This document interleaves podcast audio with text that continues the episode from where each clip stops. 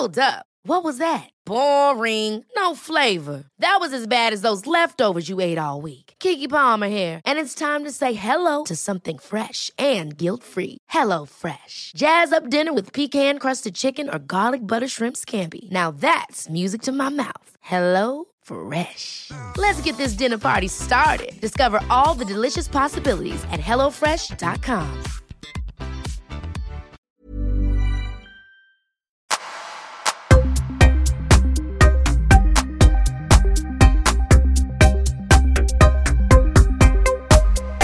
Franci, välkommen till Öppet sinne.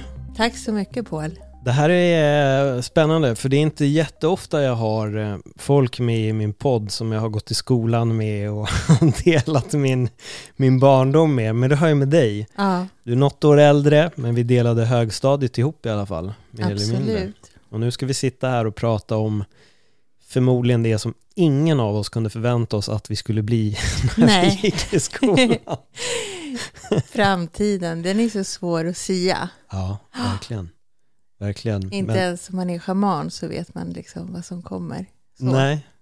Men, men då är då frågan, för det är ju det som är grejen. Ja. Idag så är du eh, shaman Mm. eh, och då blir egentligen frågan direkt eftersom att vi ändå har, har pratat lite om att vi gick i skolan ihop. Var Mm. det någonting som du redan kunde känna av då? På den tiden? Absolut. Jag har ju alltid haft förmågan att ha en stark intuition. Eh, så det har hjälpt mig väldigt mycket i livet, liksom privat. Eh, jag har alltid haft förmågan att vara medmänniska, så det måste man ha som schaman. Och jag har alltid haft förmågan att ha en viss kontakt med både djur och natur och känna mig som en del av det.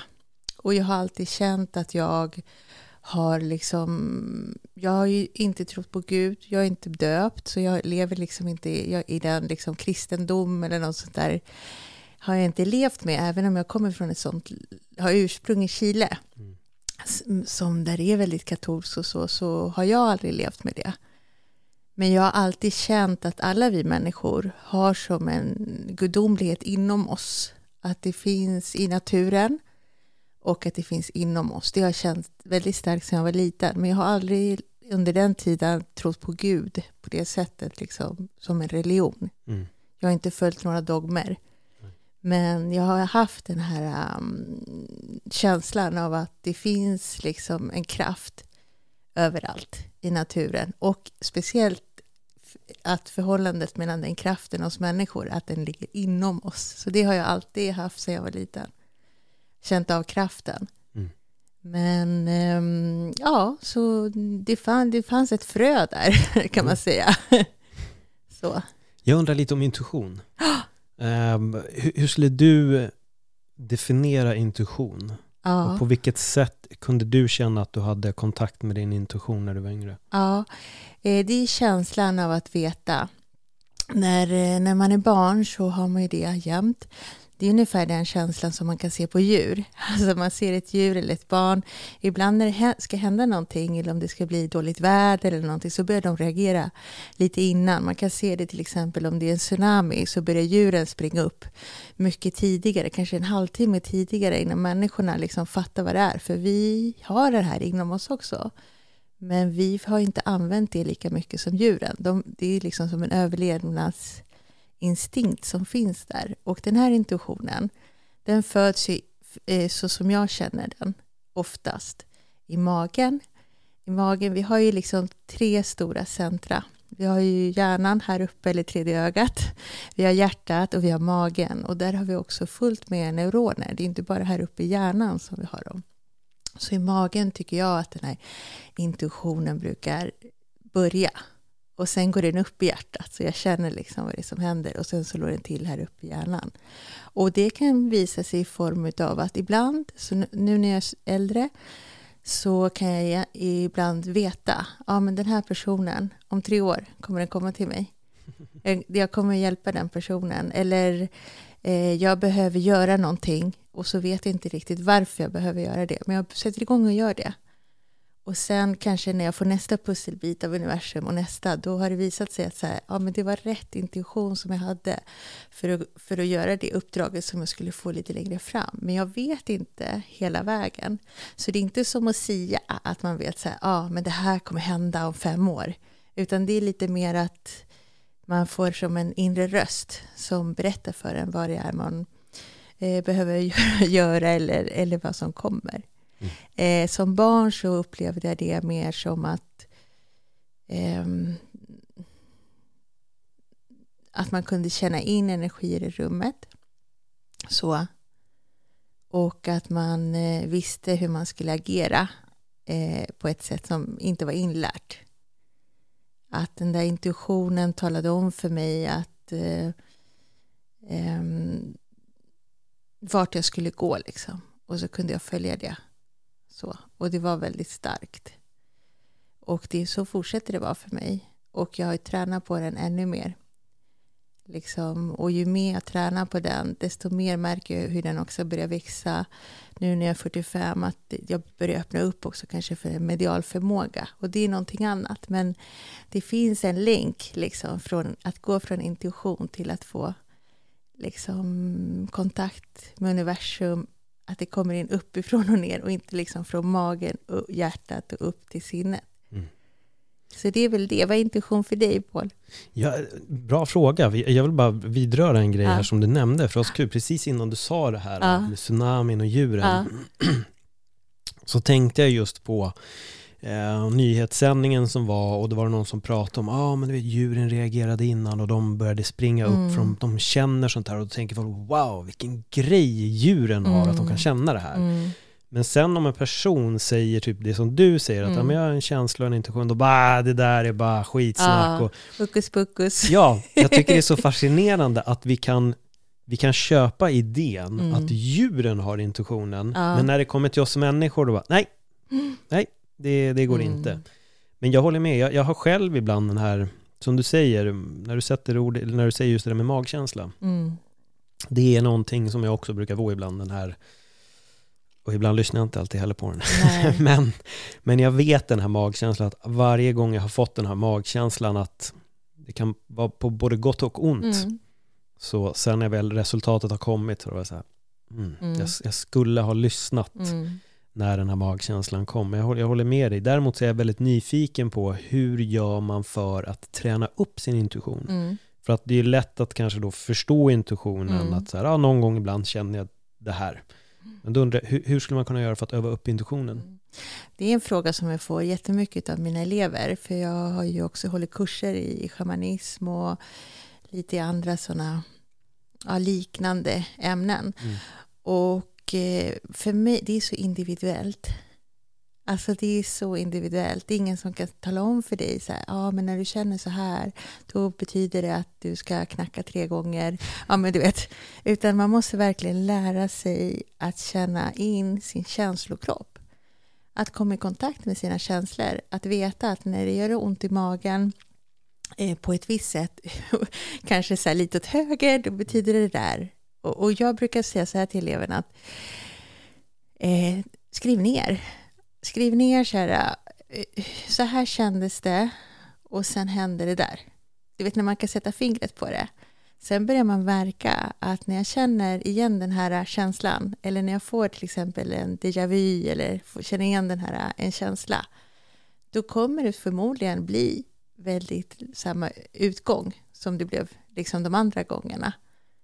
Eh, för att vi, våra hjärnor är så himla perfekta. Så att de har ju lärt oss att förnimma allt det som vår, liksom, vad ska man säga, perception snappar upp. Så, och speciellt dåliga saker för att vi ska kunna överleva. Så, så man kan börja med de dåliga känslorna. Mm. De är lättare för hjärnan och kroppen att komma ihåg än de bra.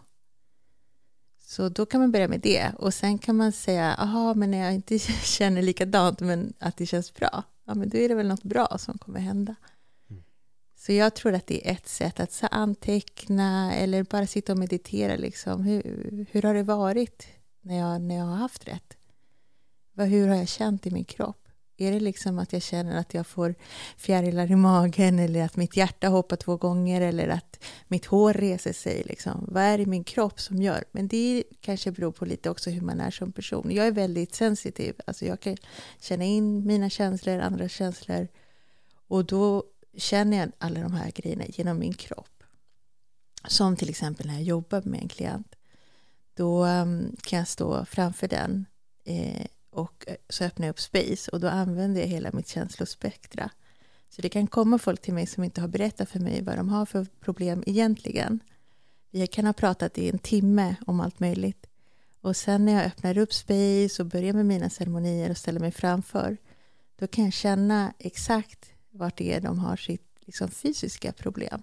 Mm. Och då kan jag fråga, liksom, ah, men är det så att du brukar ha ont i höger äggstock? Liksom sådär. har du haft någonting där som hänt? Ja, nej men faktiskt, jag hade en tumör eh, och den har jag opererat bort. Eller liksom så. så jag kan känna så pass mycket från en annan person när jag går in i liksom min roll och jag går in och liksom känner med allt. Och det är det jag menar, ju mer vi tränar på att känna, desto mer kan vi också börja göra som djuren gör och mm. känna av varandra. För jag tänker om, om du har träffat en hund någon gång eller en katt, de känner ju alla våra känslor. Och de kommer ju fram när man är ledsen på ett visst sätt och känner de att vi är nervösa så beter de sig på ett annat sätt. Mm. Så de har ju använder det här hela tiden. Det har blivit deras språk med oss. Så djuren är... Jag tycker man ska vara lite mer som barnen och lite mer som djuren och då kan man verkligen träna upp det här. Jag tänkte, när du nämnde djur så fick jag med när vi gick i sjuan så vi hade en schäfer som, den mådde inte bra helt mm. enkelt och vi var tvungna att avliva den. Mm. och det var så tydligt, den visste mm. att någonting inte stod rätt till de sista två dagarna. Sättet den gick runt i lägenheten, sättet den var med oss, alltså mm. det, den, den visste totalt och vi alla var ju jätteledsna liksom. Mm. Eh, men det är verkligen att, att, att känna in. Och känslospektrat. Och det blir så intressant också på något sätt, för vi lever på något konstigt vänster i, kanske inte bara en del i världen, men, men ibland så ska vi känna mindre.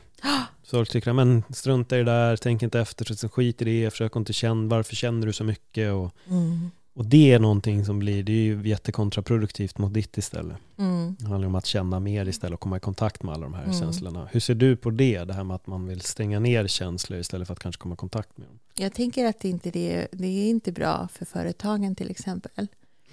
För att eh, robotar, det kan vi alltid skapa. Och vi människor, vi har ju förmågan att skapa maskiner. Och vi kan skapa robotar. Men vi kan inte skapa robotar som känner av känslor på det här sättet som vi människor gör. Då. Så jag tror faktiskt att, att vara mer empatisk, att, att kunna känna in vad kunden vill. Till exempel om man jobbar på ett företag där man hanterar kunder. Då är det ju fantastisk förmåga att kunna känna in eh, vad, vad, man kan hjälpa en annan människa med och vara empatisk och, och så. Det kommer ju vara ett större behov ju fler automatiserat, ju mer digitaliserat, ju mer liksom allting blir mer robotlikt i framtiden, då kommer våra eh, känslor att bli liksom mer värdesatta i framtiden. Det är jag helt hundra på. Därför att det går inte att fejka känslor. Alltså det finns ju psykopater som kan göra det, men de är inte så många. Nej. Nej. Så ja, för att svara på din fråga så jag tror det tvärtom att det kommer bli väldigt högt värderat eh, bland medarbetare. Om man inte har en fiskfabrik eller liksom något sånt där som ska gå liksom så. Men det sköter ju maskinerna i framtiden helt och hållet. Eh, så är det redan idag liksom. Men då undrar jag, när, när du får in folk mm. så kan jag nog tänka mig också att det kanske är många som har känsloblockader ja. eller vad man ska kalla det. är det väldigt vanligt att du stöter på det? Att det är just den här vad ska man säga, att man separerar sig från känslorna. Mm. Försöker hela tiden stöta bort dem. Mm. För jag tänker, tänker ganska många grejer som dyker upp i huvudet mm. samtidigt här. Men mm. när det gäller till exempel depressioner då, mm. då är det så lätt att du ska inte känna så här. Mm. Så det blir istället att bara man känner minsta lilla grej som råkar vara negativ så då stöter vi bort det. Eller bara good vibes only, good ja. vibes only. Men det måste finnas skitstunder också, att det ja. där vi lär oss. Hur, hur ser du på det? Jag tror att det är bra att låta kroppen göra sitt jobb. Att låta kroppen gråta om man är ledsen, skrika om man är förbannad. Alltså allt det där äh, behöver vi göra.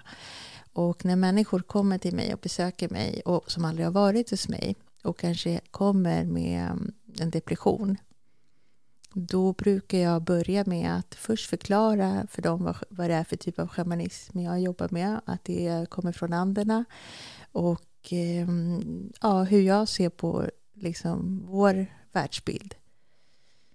Och eh, sen försöker jag översätta mycket av det till den världsbilden som är normal i Sverige idag. så. Mm. Och det är väl en, en, förmåga som man också har om man är tvåspråkig, att man lätt kan översätta liksom olika saker, så, oavsett vad det är. Eh, och sen så efter det, då brukar jag be min klient göra en uppgift eh, som jag har fått från min lärare då, Don Alejandro Abasa som är en, en eh, shaman. Det heter Paco där, men det, på svenska blir det shaman eh, som, från Keros, högt upp i anderna. Och eh, även om de själva inte oftast kan skriva så har han gjort en uppgift som är, vi får, brukar jobba med och som jag brukar jobba med klienterna. Och det är att de får skriva ner allt det som har varit tungt för dem. För deras föräldrar, för deras förfäder och kanske till och med tidigare liv. Och allt det där äh, ger man som en gåva sen till Moder Jord för att utbyte kunna få ny lätt energi. Så jag jobbar inte med negativa eller positiva saker, utan jag jobbar med tung och lätt energi. Och någonting som kan vara tungt för mig kan ju vara jättelätt för dig och tvärtom. Så det är samma energi, men den kan bäras på olika sätt. Och man tänker sig att allt det här som vi bär på, till exempel en depression, det är ju väldigt tungt att bära på. Det vill man inte ha. Det ska man skriva ner på pappret genom att fylla i liksom allt det tunga, inte bara depressionen, utan om man har gjort, till exempel haft en olycka, varit med om ett övergrepp, det är jättevanligt, det pratar man aldrig om, men det är väldigt många människor som har varit med om olika slags övergrepp. Det kan vara fysiskt, psykiskt eller sexuella. Eh, det är jättevanligt, det får jag jobba med väldigt, väldigt mycket. Och det är oftast där roten är, i de här depressionerna. Det är inte att människor en dag vaknar och är deprimerade, utan det handlar om gamla, gamla trauma, oftast från barndomen. Men det kan också vara trauma från tidigare generationer som man bär med sig. Till exempel jag, jag kommer från Chile och eh, mina föräldrar, jag är född här men mina föräldrar är från Chile. Och de kom hit efter en diktatur. Och det är såklart att jag, att jag har på något sätt, även fast jag föddes långt efter diktaturen, i alla fall tre år efter, så har jag ändå burit med mig det här och även annat som finns, liksom, som har hänt i Latinamerika tidigare och som har hänt mina förfäder eller mina förfäder från Spanien som kom, som också var liksom flyktingar. Och liksom sådana saker bär man ju med sig i flera generationer. Och då, därför brukar jag rensa inte bara personen utan även sina slä, båda släktleden. Så det gör jag genom en övning att be dem att skriva upp allting på ett papper. Och sen använder vi det där pappret i olika ceremonier. Och det blir väldigt, väldigt, väldigt effektivt. För jag låter inte personerna gå in i allt det här hemska eller tunga som har hänt dem. Utan jag låter dem bara punktvis skriva ner vad det är. Så att de själva blir medvetna om så här, ja just det. Ehm, allt det här som jag bär på, det är ibland inte ens mitt. För man bär ju jättemycket som inte är vårat. Utan som kommer kanske från tidigare liv och man vet att man har varit med om någonting. Eller framförallt från sina förfäder. Det är, jag vet inte vem var jag lyssnade på. Men att just sådana där grejer kan följa med i DNA. Jag vet att jag har hört det. Nu vet jag inte om det var just forskningsbaserat eller om det var någonting de pratade det om. Det är forskningsbaserat därför att man har sett det på råttor. Det mm. finns ju så olika experiment på möss. Mm. Och då har man sett att det, liksom det här, det kallas för det kollektiva medvetandet. Alltså att jag vet att det här och här och här har hänt och det påverkar mig på det här och det här sättet. Det blir liksom något som följer med. Men eh, det kan visa sig till exempel i mina barn som inte alls har den här kontakten med Chile och inte så insatt i vad som hände i diktaturen. Men ändå så kan de bära med sig en, en tung energi från det här och eh, det påverkar ju dem på olika, olika sätt om man inte börjar läka och hantera det. Liksom. Eh, och, eh, men det, det är vetenskapligt bevisat att man, att man tar med sig olika traumer eh, i generationer. Att man kan liksom ta med eh, ett medvetande som är liksom en stor sorg, eller som kommer från en stor sorg, i flera generationer. Och det är också bevisat att med kvantfysik, att i DNA så kan man även läka framåt. Även, ja. ja. Så man kan, när man gör den här läkningen upp i generationerna, då läker jag ju samtidigt framtida generationer. Och det är häftigt tycker jag. Ja men verkligen. Att det går att bevisa. Ja, samtidigt också att vi bär ju uppenbarligen på skit som inte är vårat. Ja, också. och speciellt om man är en empath som väldigt många av oss är. Vi är ju det egentligen alla människor tror jag. Bara att vi får lära oss att inte vara det. Och några kallas mer känsliga. Eller, sen finns det de som är väldigt känsliga som människor med HSB. Att, de har, att det, det, det är lite mer liksom sensitiv. Men ehm, ja, det är liksom... Man behöver liksom också förstå att, att, att de personerna, de kan ju ta emot energier. Allt det här är ju energi. Så att jag menar om jag är en sån empat och suger i mig andras energier, då går jag ju runt och bär på dem också. Mm. Så många som går in i väggen och sådär, det kanske är bara att de är väldigt så här, känsliga och inte passar in i den här verkligheten som vi lever i just nu, där man ska prestera och man ska liksom sitta i öppna landskap. Förr satt vi alla i egna rum. Det kanske blir för jobbigt att sitta i ett öppet landskap om man har liksom ADHD eller om man har liksom svårt att koncentrera sig. Eller, ja, det kan vara vad som helst. Det kan vara att man eh, har någon hörselskada som gör att man, man blir störd liksom hela tiden. Och när vi alla måste sitta till exempel i ett öppet landskap på ett kontor, då kan det påverka så mycket att vi också kan gå in i väggen av det mm. om vi inte trivs att vara där. Det reagerade jag på när jag jobbade på Sats. Mm. För det var verkligen var och varannan person som just stod i receptionen gick in i väggen. Mm. Förutom en person. Mm. Och jag märkte att den enda detaljen var att den personen gick hem och lämnade jobbet ja. på jobbet. Mm. Medan de andra pratade ofta om att de hela tiden tänkte på allting och vart så stressade mm. av allt. Och då märkte jag att det finns, det är verkligen hur vi hanterar situationen också. Mm. Hur vi väljer att hantera. Men det är ju mm. otäckt att vi också har så lätt att gå in i väggen och att det har mm. blivit det tempot att folk går in i väggen. Mm. Och att det även fanns de som tyckte att man kan inte gå in i väggen. Ja. Vilket är jätte, helt galet. Men är det många som du får kontakt med som kanske har hamnat i just den sitsen? Ja, jag har väldigt många som kommer till mig som har provat allt. Mm. Eh, och behöver hjälp med att hitta och, och hela sig själva. Och då har jag en annan teknik och det kallas för soul retrieval. Så det använder jag mycket på dem, just dem. Och på många andra, men framförallt om man har gått in i väggen. Vad innebär det? Vad innebär? Det är att man hämtar hem själsbitar eh, som personen har tappat för, på vägen. Man tänker inom det här, eh, liksom, det är inom den andinska kosmovisionen, liksom den världsbilden och det jag jobbar med. Att vi har en energikropp och den här energikroppen går innanför och utanför oss som en bubbla eller en stor kupol eller ja, så. Och eh, varje gång vi är med om något trauma eller blir rädda, framförallt om vi blir rädda på olika sätt eller känner oss hotade och sådär. Då ramlar det av olika stora själsbitar från det här stora ägget eller vad man ska kalla som vi har runt omkring oss. Och eh, de här bitarna kan man ju hämta hem själv men ibland behöver man hjälp.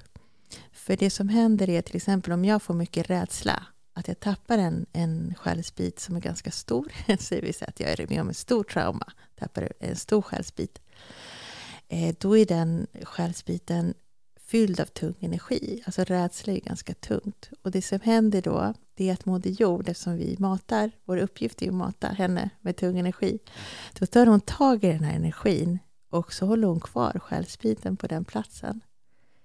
Så det som är så häftigt med det här det är att de som kommer till mig, de behöver egentligen inte berätta för mig exakt vad det är som har hänt. Och det kan vara jobbigt ibland att berätta, för ibland vet man inte ens vad som har hänt när man har gått in i väggen. Det kan ha varit under en lång period.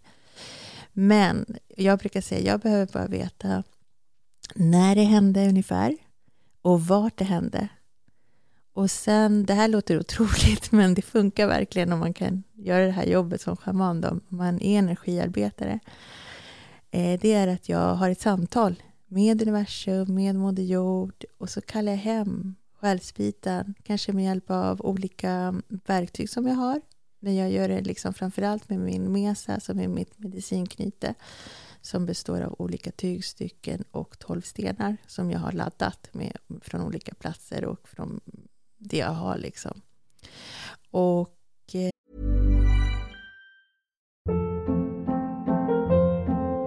Hold up. What was that? Boring. No flavor. That was as bad as those leftovers you ate all week. Kiki Palmer here, and it's time to say hello to something fresh and guilt-free. Hello Fresh. Jazz up dinner with pecan-crusted chicken or garlic butter shrimp scampi. Now that's music to my mouth. Hello Fresh. Let's get this dinner party started. Discover all the delicious possibilities at hellofresh.com.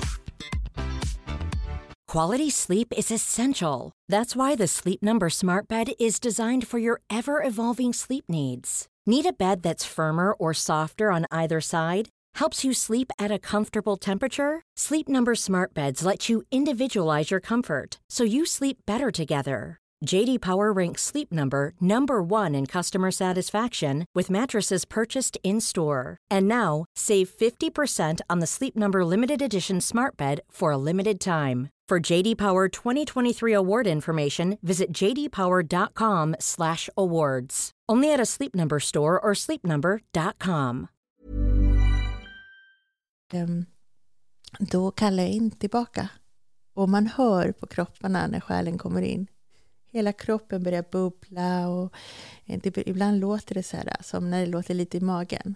Men det kan låta så ibland från hela kroppen. Det är jättevanligt att det börjar låta liksom från kropparna.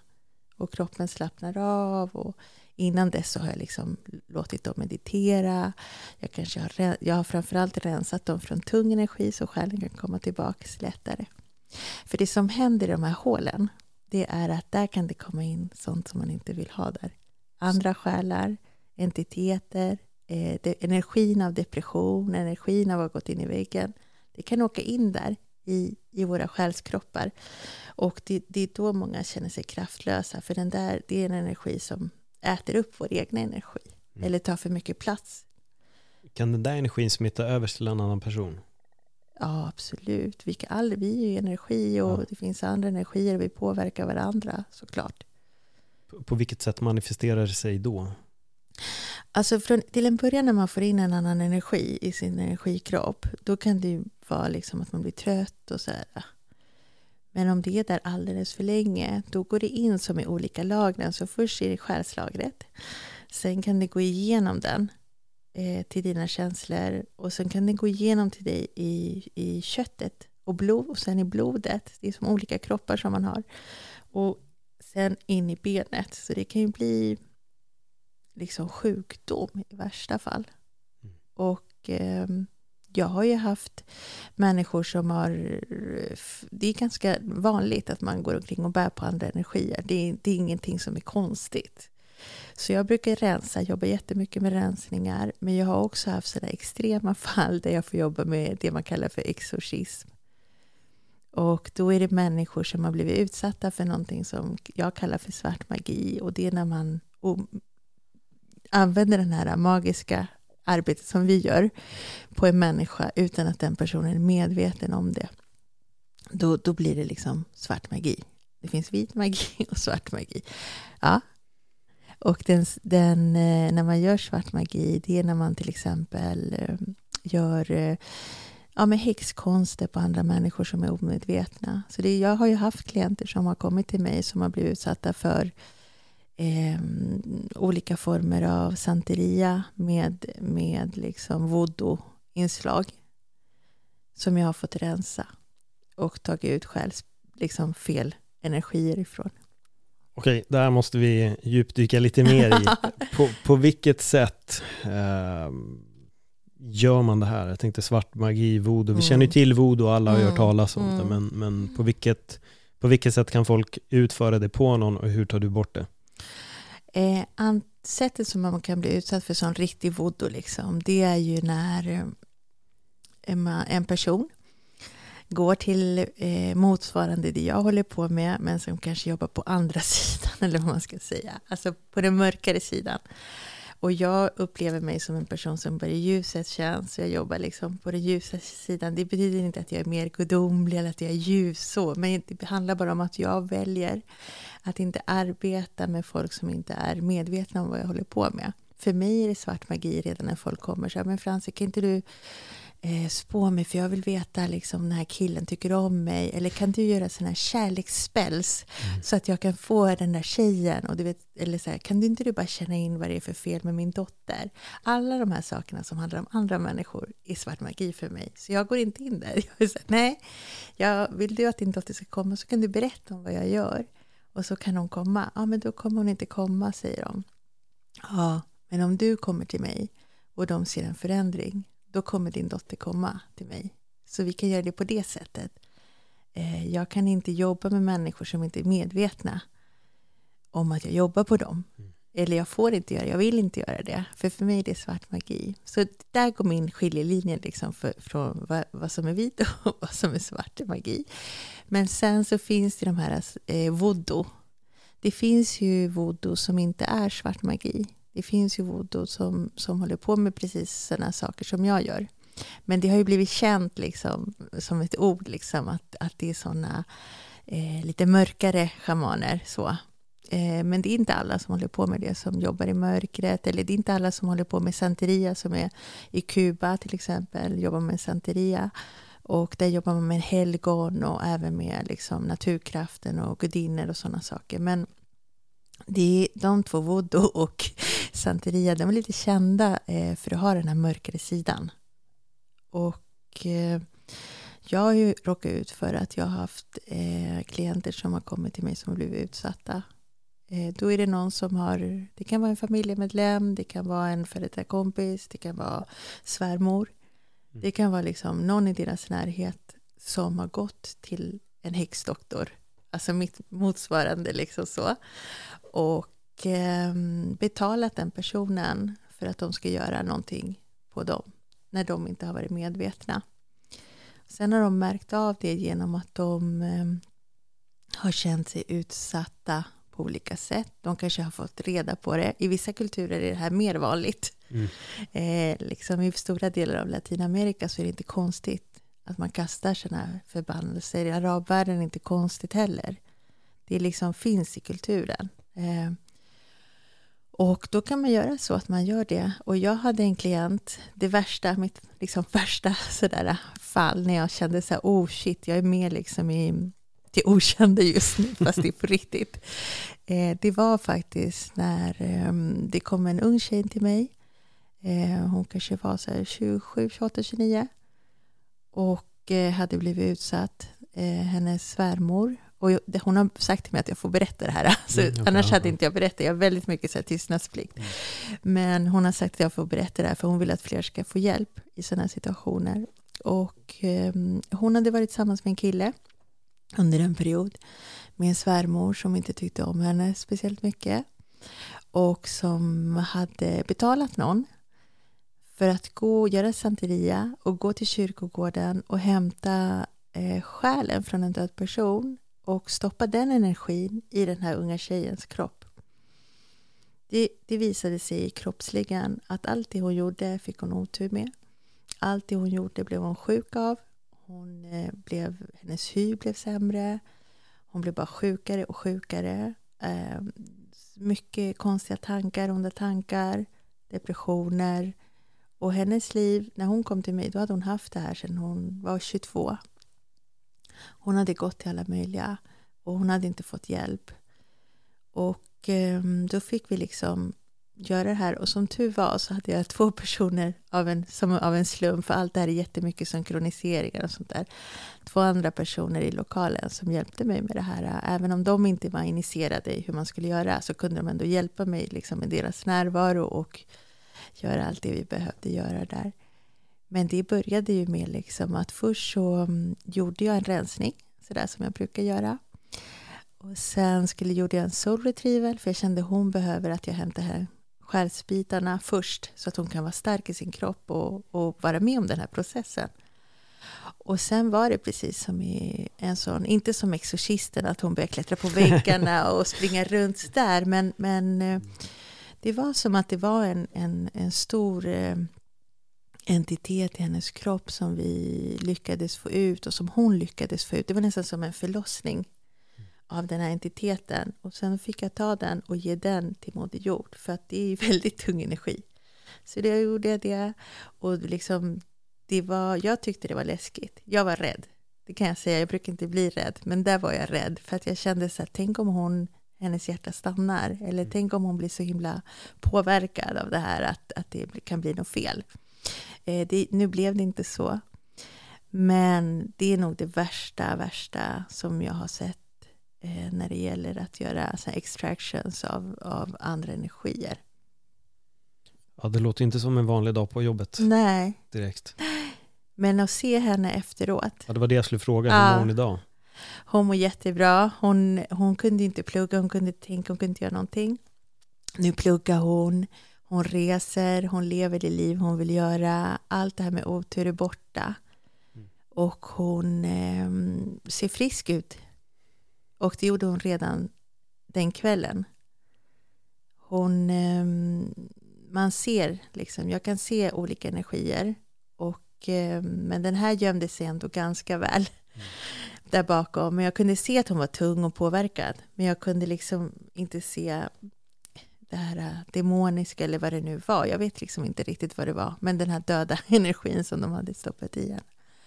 Och eh, bara den kvällen så såg man liksom redan hur hennes hud förändrades, håret förändrades, ansiktet förändrades. Det var, helt, det var som en film. Mm. Men när man kommer till mig och får en soul retrieval och jag har rensat folk på tung energi, då brukar jag be klienterna gå och kolla sig i spegeln. För det ser ut som att man har fått en ansiktsbehandling fast man inte har fått det. Alltså man får sån glow, man får ögonen lyser. Det brukar se, man brukar se de här små stjärnorna som jag kallar dem i ögonen, själen. Stjärnstoftet kommer fram. Och när man inte är rensad då blir får man lite tyngre hud. Det är i alla fall så jag ser det. Sen vet jag inte om de personerna ser ut sådär men jag ser det som att det är en hinna. Det är någonting liksom där som inte som stoppar ens egna lyster, kraft, energi att liksom lysa. Hur vet man att man har råkat ut för det här? Mm. Så hur, hur, hur, ja. hur kommer man till den insikten om man säger så? Alltså i det här fallet för den här tjejen var det väldigt lätt för hon var inom den kulturen och hon, för henne var det sånt som man gör, liksom där hon kommer ifrån. Så jag tror att det var lite så. Men många har, det är också så här sorgligt. Ah, en annan sak, att en del går ju till så här sierskor och så får de höra att de har så fått en dålig energi. Liksom så. Det vet jag inte om det är sant eller inte. Jag kan inte veta om det är så när folk kommer till mig och säger så här, tror du på det här Frans? Det här har den här äh, spådamen sagt till mig eller så. Då säger jag så här, jag vet inte. För det första så vet inte jag det eftersom jag inte har varit med. jag vet inte det på grund av att ehm, de inte jag vet inte ens vem den här personen är som du har varit hos. Så jag brukar alltid börja själv liksom och, och göra en, som en animes. Alltså att jag går igenom kroppen, ställer massa frågor, känner av, kollar av. Eh, men om man vill liksom veta själv, hur, hur vet jag att jag har liksom en sån entitet så? Då tror jag egentligen att det bara handlar om världsbilder. Alltså jag kan se en depression som en entitet som har varit där för länge. Så, så jag menar, ser man en depression som en sjukdom då kommer man aldrig fatta att det är en entitet eller energisak som, som jag kallar det för. Det är så intressant när du nämner det här just med eh, sierskor som har sagt, för jag har hört det där ja, också. Mm. Um, måste nog säga att det är vanligare att jag hört det från tjejer. Mm. Jag tror att mm. killar kanske inte går riktigt till sierskor mm. på samma sätt. Eller så pratar färre. de inte om det. Exakt. exakt. kanske lite hemligt. ja, nej, nej, men verkligen. Nej, men för jag har hört några gånger så har jag hört eh, liksom, bekanta prata, ja ah, men vet jag vad en sierska och den här killen som jag hade träffat, eh, liksom egentligen han hade typ en demon i sig. Mm. Men jag drar den åt mig lite mm. där också, för jag blir mm. lite förvånad hur vet en sierska det här om någon som den personligen egentligen inte har träffat. Exakt. Den baserar ju allting bara på en historia den hör om en annan person. Mm. Och det är lite farligt, för jag mm. menar, jag kan också gå in och berätta en historia om någon mm. jag har varit med. Och det är mm. egentligen bara min uppfattning ja, om hur det exakt. har varit. Men dens uppfattning kanske är på ett helt annat sätt. Och då målar man ju upp någon. Jag anser att man måste träffa personen på riktigt. Exakt, och det är därför jag alltid säger så här, jag håller inte på med svart magi. jag kommer inte läsa av din kille eller din flickvän eller liksom bara för att, du, bara för att jag får betalt för det. Mm. Utan jag är där för att jobba med personlig utveckling. Även när jag spår i kort och så, så gör jag det utifrån att jobba med personlig utveckling. Mm. Vad har den här personen för egenskaper? Vad, hur kan andevärlden hjälpa till? Hur kan, hur kan liksom, vad har hon för liksom, styrkor? Vad har hon för svagheter? Det blir som ett, ett verktyg. Att, att, då använder man taron som ett verktyg för den personen som befinner sig där och då. Men um, jag, skulle, jag, jag brukar säga så ah, men jag kan gå igenom din kropp, jag kan rensa dig, jag kan berätta vad som finns. Men sen är, är de grejerna borta. De Mm. finns inte där. Jag vet inte, det kanske låter konstigt här Mm. nu, men har du någon gång träffat en människa där du väldigt direkt Mm. har känt, alltså Mm. oj, det finns någonting här, jag får en väldigt konstig Mm. känsla, Mm. Kanske till och med snudd på obehag. Liksom. Mm. Är det någonting du har upplevt? Ja, jag har ju rensat mycket människor. Så um, det är liksom många bär ju med sig någon mormor, eller lite energi av någon mormor eller någon tant eller någon som ville vara med dem lite längre. Man kanske var med om ett trauma när man, man var barn. Och samtidigt så kanske någon mormor gick bort. Då vill inte mormor lämna dig där. Och då går de in i den här energi, som barnet var med i trauma, då blir det ett litet hål där. Och då går mormors tunga energi in där. Och kanske hänger sig kvar. Och så kanske de kommer till mig när de är 45 år och säger jag har så ont i axeln. Jag vet inte vad det är, jag har varit hos läkaren, jag har fått sån här fryst axel eller liksom så här, jag har tränat mycket och jag har skadat mig ibland men det här är inte rimligt och läkarna kan inte göra någonting åt saken. Jag har varit kiropraktor, jag har varit där och där. Och sen när jag rensar dem så försvinner den här smärtan för alltid. Och då, då, är det, då vet ju jag vad det är Mm. som sitter där. Men sen kan det sitta andra saker som klienten inte har berättat för mig. Så. Och jag menar, det är de här, framförallt de här olika energierna från övergrepp. Jag har väldigt många sådana som jag har rensat bort. Eh, det är så pass vanligt, mycket vanligare än vad vi tror. Alla de här övergreppen lämnar spår. Och även fast det kan vara män eller kvinnor som har blivit utsatta för det. Det kan vara i form av mobbning som drabbar en liksom för resten av livet, sätter spår. Det kan vara i form av sexuella övergrepp framför allt. De lämnar väldigt tung energi. Eh, och det kan ju vara i flera generationer så att det kan vara väldigt, väldigt tungt. Och det är väl det som jag mm, har lärt mig att hantera.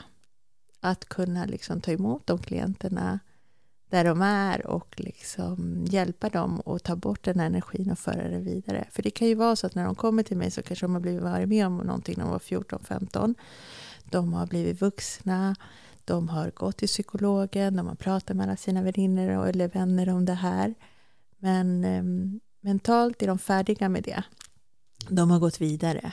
Men det finns ändå, den där energin är ju ingen som har varit där städat bort. Så det är typ ofta sånt som jag hjälper människor med. Och när jag tar bort den energin, då kan ju själen komma tillbaka från den platsen. För då kanske jag gör en själ- själsåterhämtning från en våldtäkt till exempel. Och då när själen kommer tillbaka, då kan de liksom gå mer fria. Så folk säger till mig att när de går från mig, då är de liksom lätta i hela kroppen. Att det känns som att man har gått ner 10 kilo eller 5 kilo eller att det är det, det är den effekten som blir. Och då tänker jag så här, tänk vad mycket vi går omkring och bär på. Att det känns liksom fysiskt i kroppen.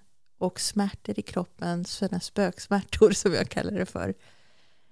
Att eh, om vi bara liksom, det är därför jag också jobbar mycket med att normalisera de här sakerna. Det är därför jag sitter här med dig idag Paul och berättar om det här eh, som någonting som är helt normalt.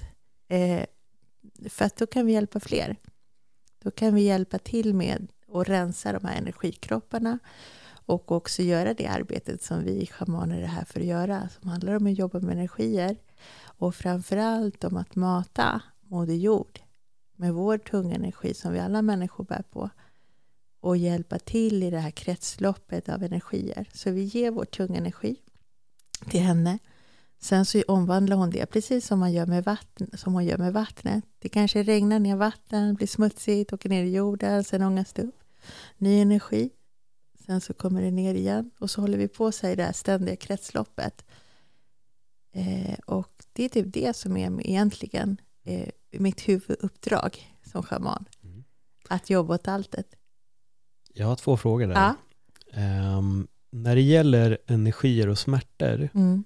kan samma typ av så här, trauma eller negativ energi sätta sig på ett och specifikt ställe hos många människor? Ja, absolut. Det är ju det här som man... Grejen är också att mycket av eh, det man jobbar med inom liksom det andinska.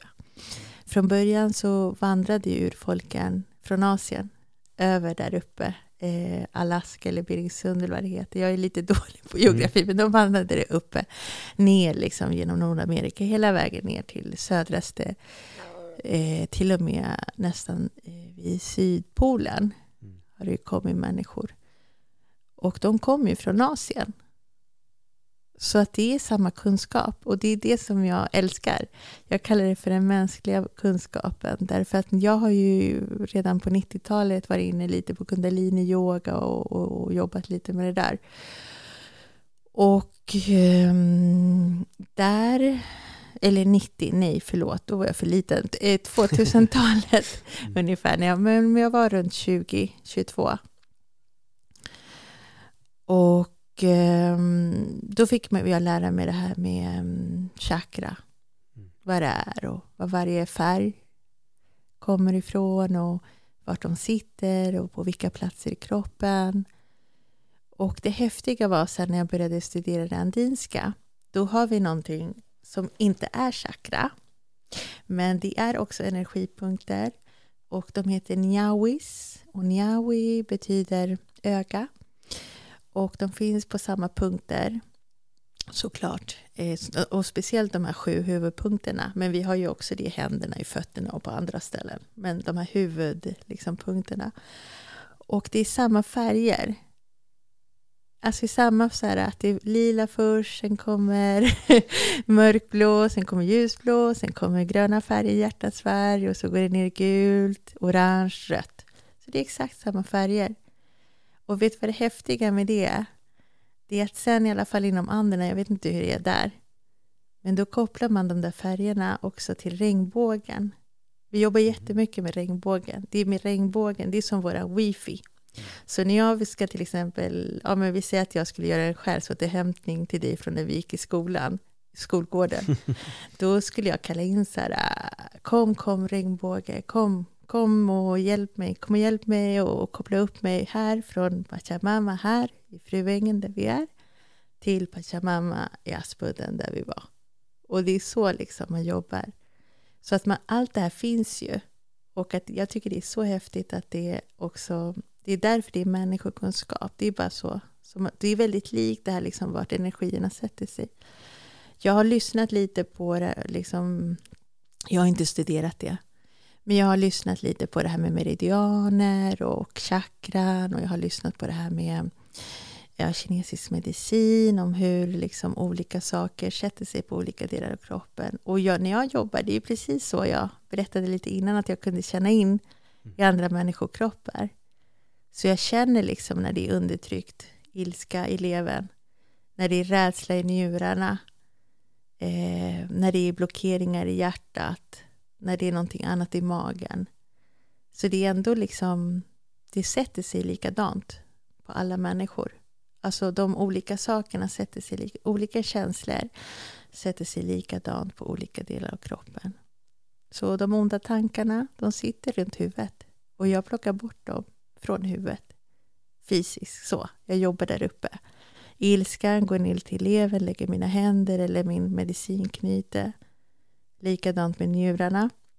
Alla rädslor, gå in där, sätter mina grejer eller jobbar lite extra med, med mina Palo Santo eller Agua de Florida. Jag blåser in, blåser bort rädslor. Då gör jag det fysiskt där, på den platsen vid njurarna.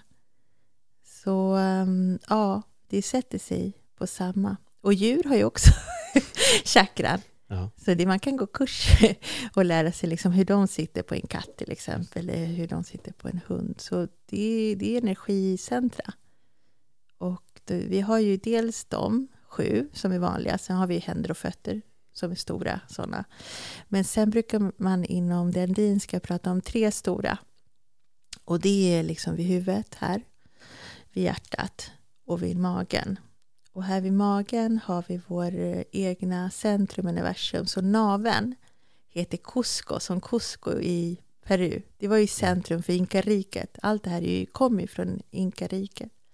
Så de jag jobbar med, de här eh, ja, beskyddarna eller vad man ska säga, det är ju solen, månen, det är stjärnor, det är regnbågen, det är vissa änglar, det är Moder Jord. Men sen är det också väktarna för underjorden, väktarna för mellanvärlden, väktarna för övervärlden och massor med andra berg och sjöar. Så jag jobbar med naturkrafterna. Det är de jag kallar in och värdestrecken och kraftdjuren. Det är så man jobbar som i det jag gör. Mm. Kallar in allt det. Sen är det inte mitt jobb att eh, utföra jobbet utan mitt jobb är ju att vara en kanal för alla de här energierna. Och, så de kan jobba på personen. Så när jag står och jobbar och håller jag har ju ändå min kunskap som jag har fått lära mig hur jag ska göra. Men det är universum som jobbar. Och det som är så häftigt är att de, det kom, jag kallar in förfäderna. Ibland kommer det någon som ska ge ett visst speciellt meddelande om saker som jag inte aldrig skulle kunna veta om den personen. Men jag kallar mig inte för medium för jag har inte gått någon sån kurs. Men när man öppnar upp andevärlden då släpper man in alla energier och håller ut liksom, det man inte vill ha in. Man, man gör en cirkel. Och eh, det händer ju ofta att jag också även får in liksom förfäder som, som kommer och hjälper till och, och förmedlar olika saker. Och framförallt när jag gör sådana här påfyllningar, då, då är de med och jobbar otroligt mycket och det blir otroligt starkt för, för den som får uppleva det här. Och det roliga med energiarbetet är att man inte behöver tro på änglarna, man behöver inte tro på Moder Jord, man är så liksom, hon finns där men man behöver inte tro på henne som jag gör som en person. Alltså för mig betyder Moder Jord, Pachamama, inte bara jorden. Det betyder tid, rum och plats. Så det är det vi schamaner kan. Vi kan jobba med energier, vi kan öppna upp oss för universum, hjälpa till och vi kan röra oss i de här världarna. Så jag kan åka ner till underjorden och, mellan, och jag kan ta med folk också. Och det gör jag mycket med trumresor och, och även meditation, guidade meditationer. Ta med dem ner så de själva får gå ner och titta, hitta sina kraftdjur och se. Det är jättehäftigt. Jag tycker det här är jätteintressant. Jag är superintressant. Men vi har tyvärr nått Ja, slutet. Eh, Men, men alltså jag tycker det är jätte- jättespännande. Men bara för folk Mm. som nu blir ännu mer nyfikna. Mm. Liksom, var hittar man dig? Hur kan man komma i kontakt med dig ifall man vill besöka dig och få hjälp? Ja, jag heter ju inte Frans, jag heter ju Francisca Infante. Ja. Och jag driver eh, Machi Healing heter jag på Instagram. Men om man vill hitta min hemsida så är det www.machi.se Och jag finns om man vill boka in sig hos mig, då kan man alltid höra av sig och fråga liksom, vad ska jag välja? För det brukar vara svårt. Men annars har jag en sida som, på Boka Direkt. Så där är det www.bokadirekt.se. Och jag kommer också stå på Harmonimässan som är en mässa för eh, Harmoni Expo som är en mässa för alternativ medicin och alternativ hälsa. Och eh, där kommer jag stå i Solnahallen den 26 och 27 mars tillsammans med alla andra som håller på med olika slags sätt att hitta liksom hälsa på. Eh, Så det är där. Så jag finns på Instagram och jag finns ja, på Facebook och på alla möjliga sociala medier. Gör så här, skicka alla länkarna till mig bara. Ja, så kan jag länka absolut. till allting i bion. Ja, Så att absolut. ni som lyssnar, ni hittar allting bara i bion. Det bara klickar vidare och där kommer ni kunna liksom hitta precis allting det som, som du har nämnt. Du är ju ständigt Franci för mig, det är Ja, ju det. Men jag vet att det är förkortningen på ditt namn i alla fall var. Alltså det här har varit jätteroligt, eh, otroligt spännande att lyssna på. Vi får väl egentligen bara sätta oss igen någon gång i framtiden om ett år eller någonting, Ja. hitta någon ny gång då vi sätter oss och då kan vi gå in på, på något mer. tema kanske. Exakt, Ja, Exakt. Så superkul, jag rekommenderar alla att verkligen kolla in, följ på Instagram och, och boka om ni behöver hjälp. Nu ska jag fråga dig när vi är klara varför jag har ont i axeln, så får vi Ja, se om du ja, kan hjälpa mig. Eh, och om det är första gången som ni lyssnar på den här podden eller ser den på YouTube så eh, glöm inte att prenumerera och ratea den gärna ifall ni lyssnar på den på någon form av eh, poddapp. Och återigen, om det är första gången så har ni cirka 200 stycken intervjuer som ni kan gå in och kolla in. Ni har också ett gäng med avsnitt som heter Öppnar mitt sinne där jag pratar om min egen resa och eh, mitt liv där jag också djupdyker i allt möjligt. Så missa inte det. Återigen, tack för ett jättebra samtal. Och tack Paul för att jag fick komma. Ja, men det vet du. Mm. Självklart. Och till alla er där borta, ja, ha en eh, jättebra dag och eh, se upp för Santeria så ingen gör någonting dumt. I sådana Ja. fall får ni kontakta och få hjälp av shamanen här. Och det är bara vissa santeria. Det finns Exakt. vit santeria också, det vill jag också säga. Ja, precis. Ja, Den får man ta emot. ja den får man ta emot. Den är bra. Ja, Ja. Där har ni det. Mm. Tack för den här gången. Tack, Hej då.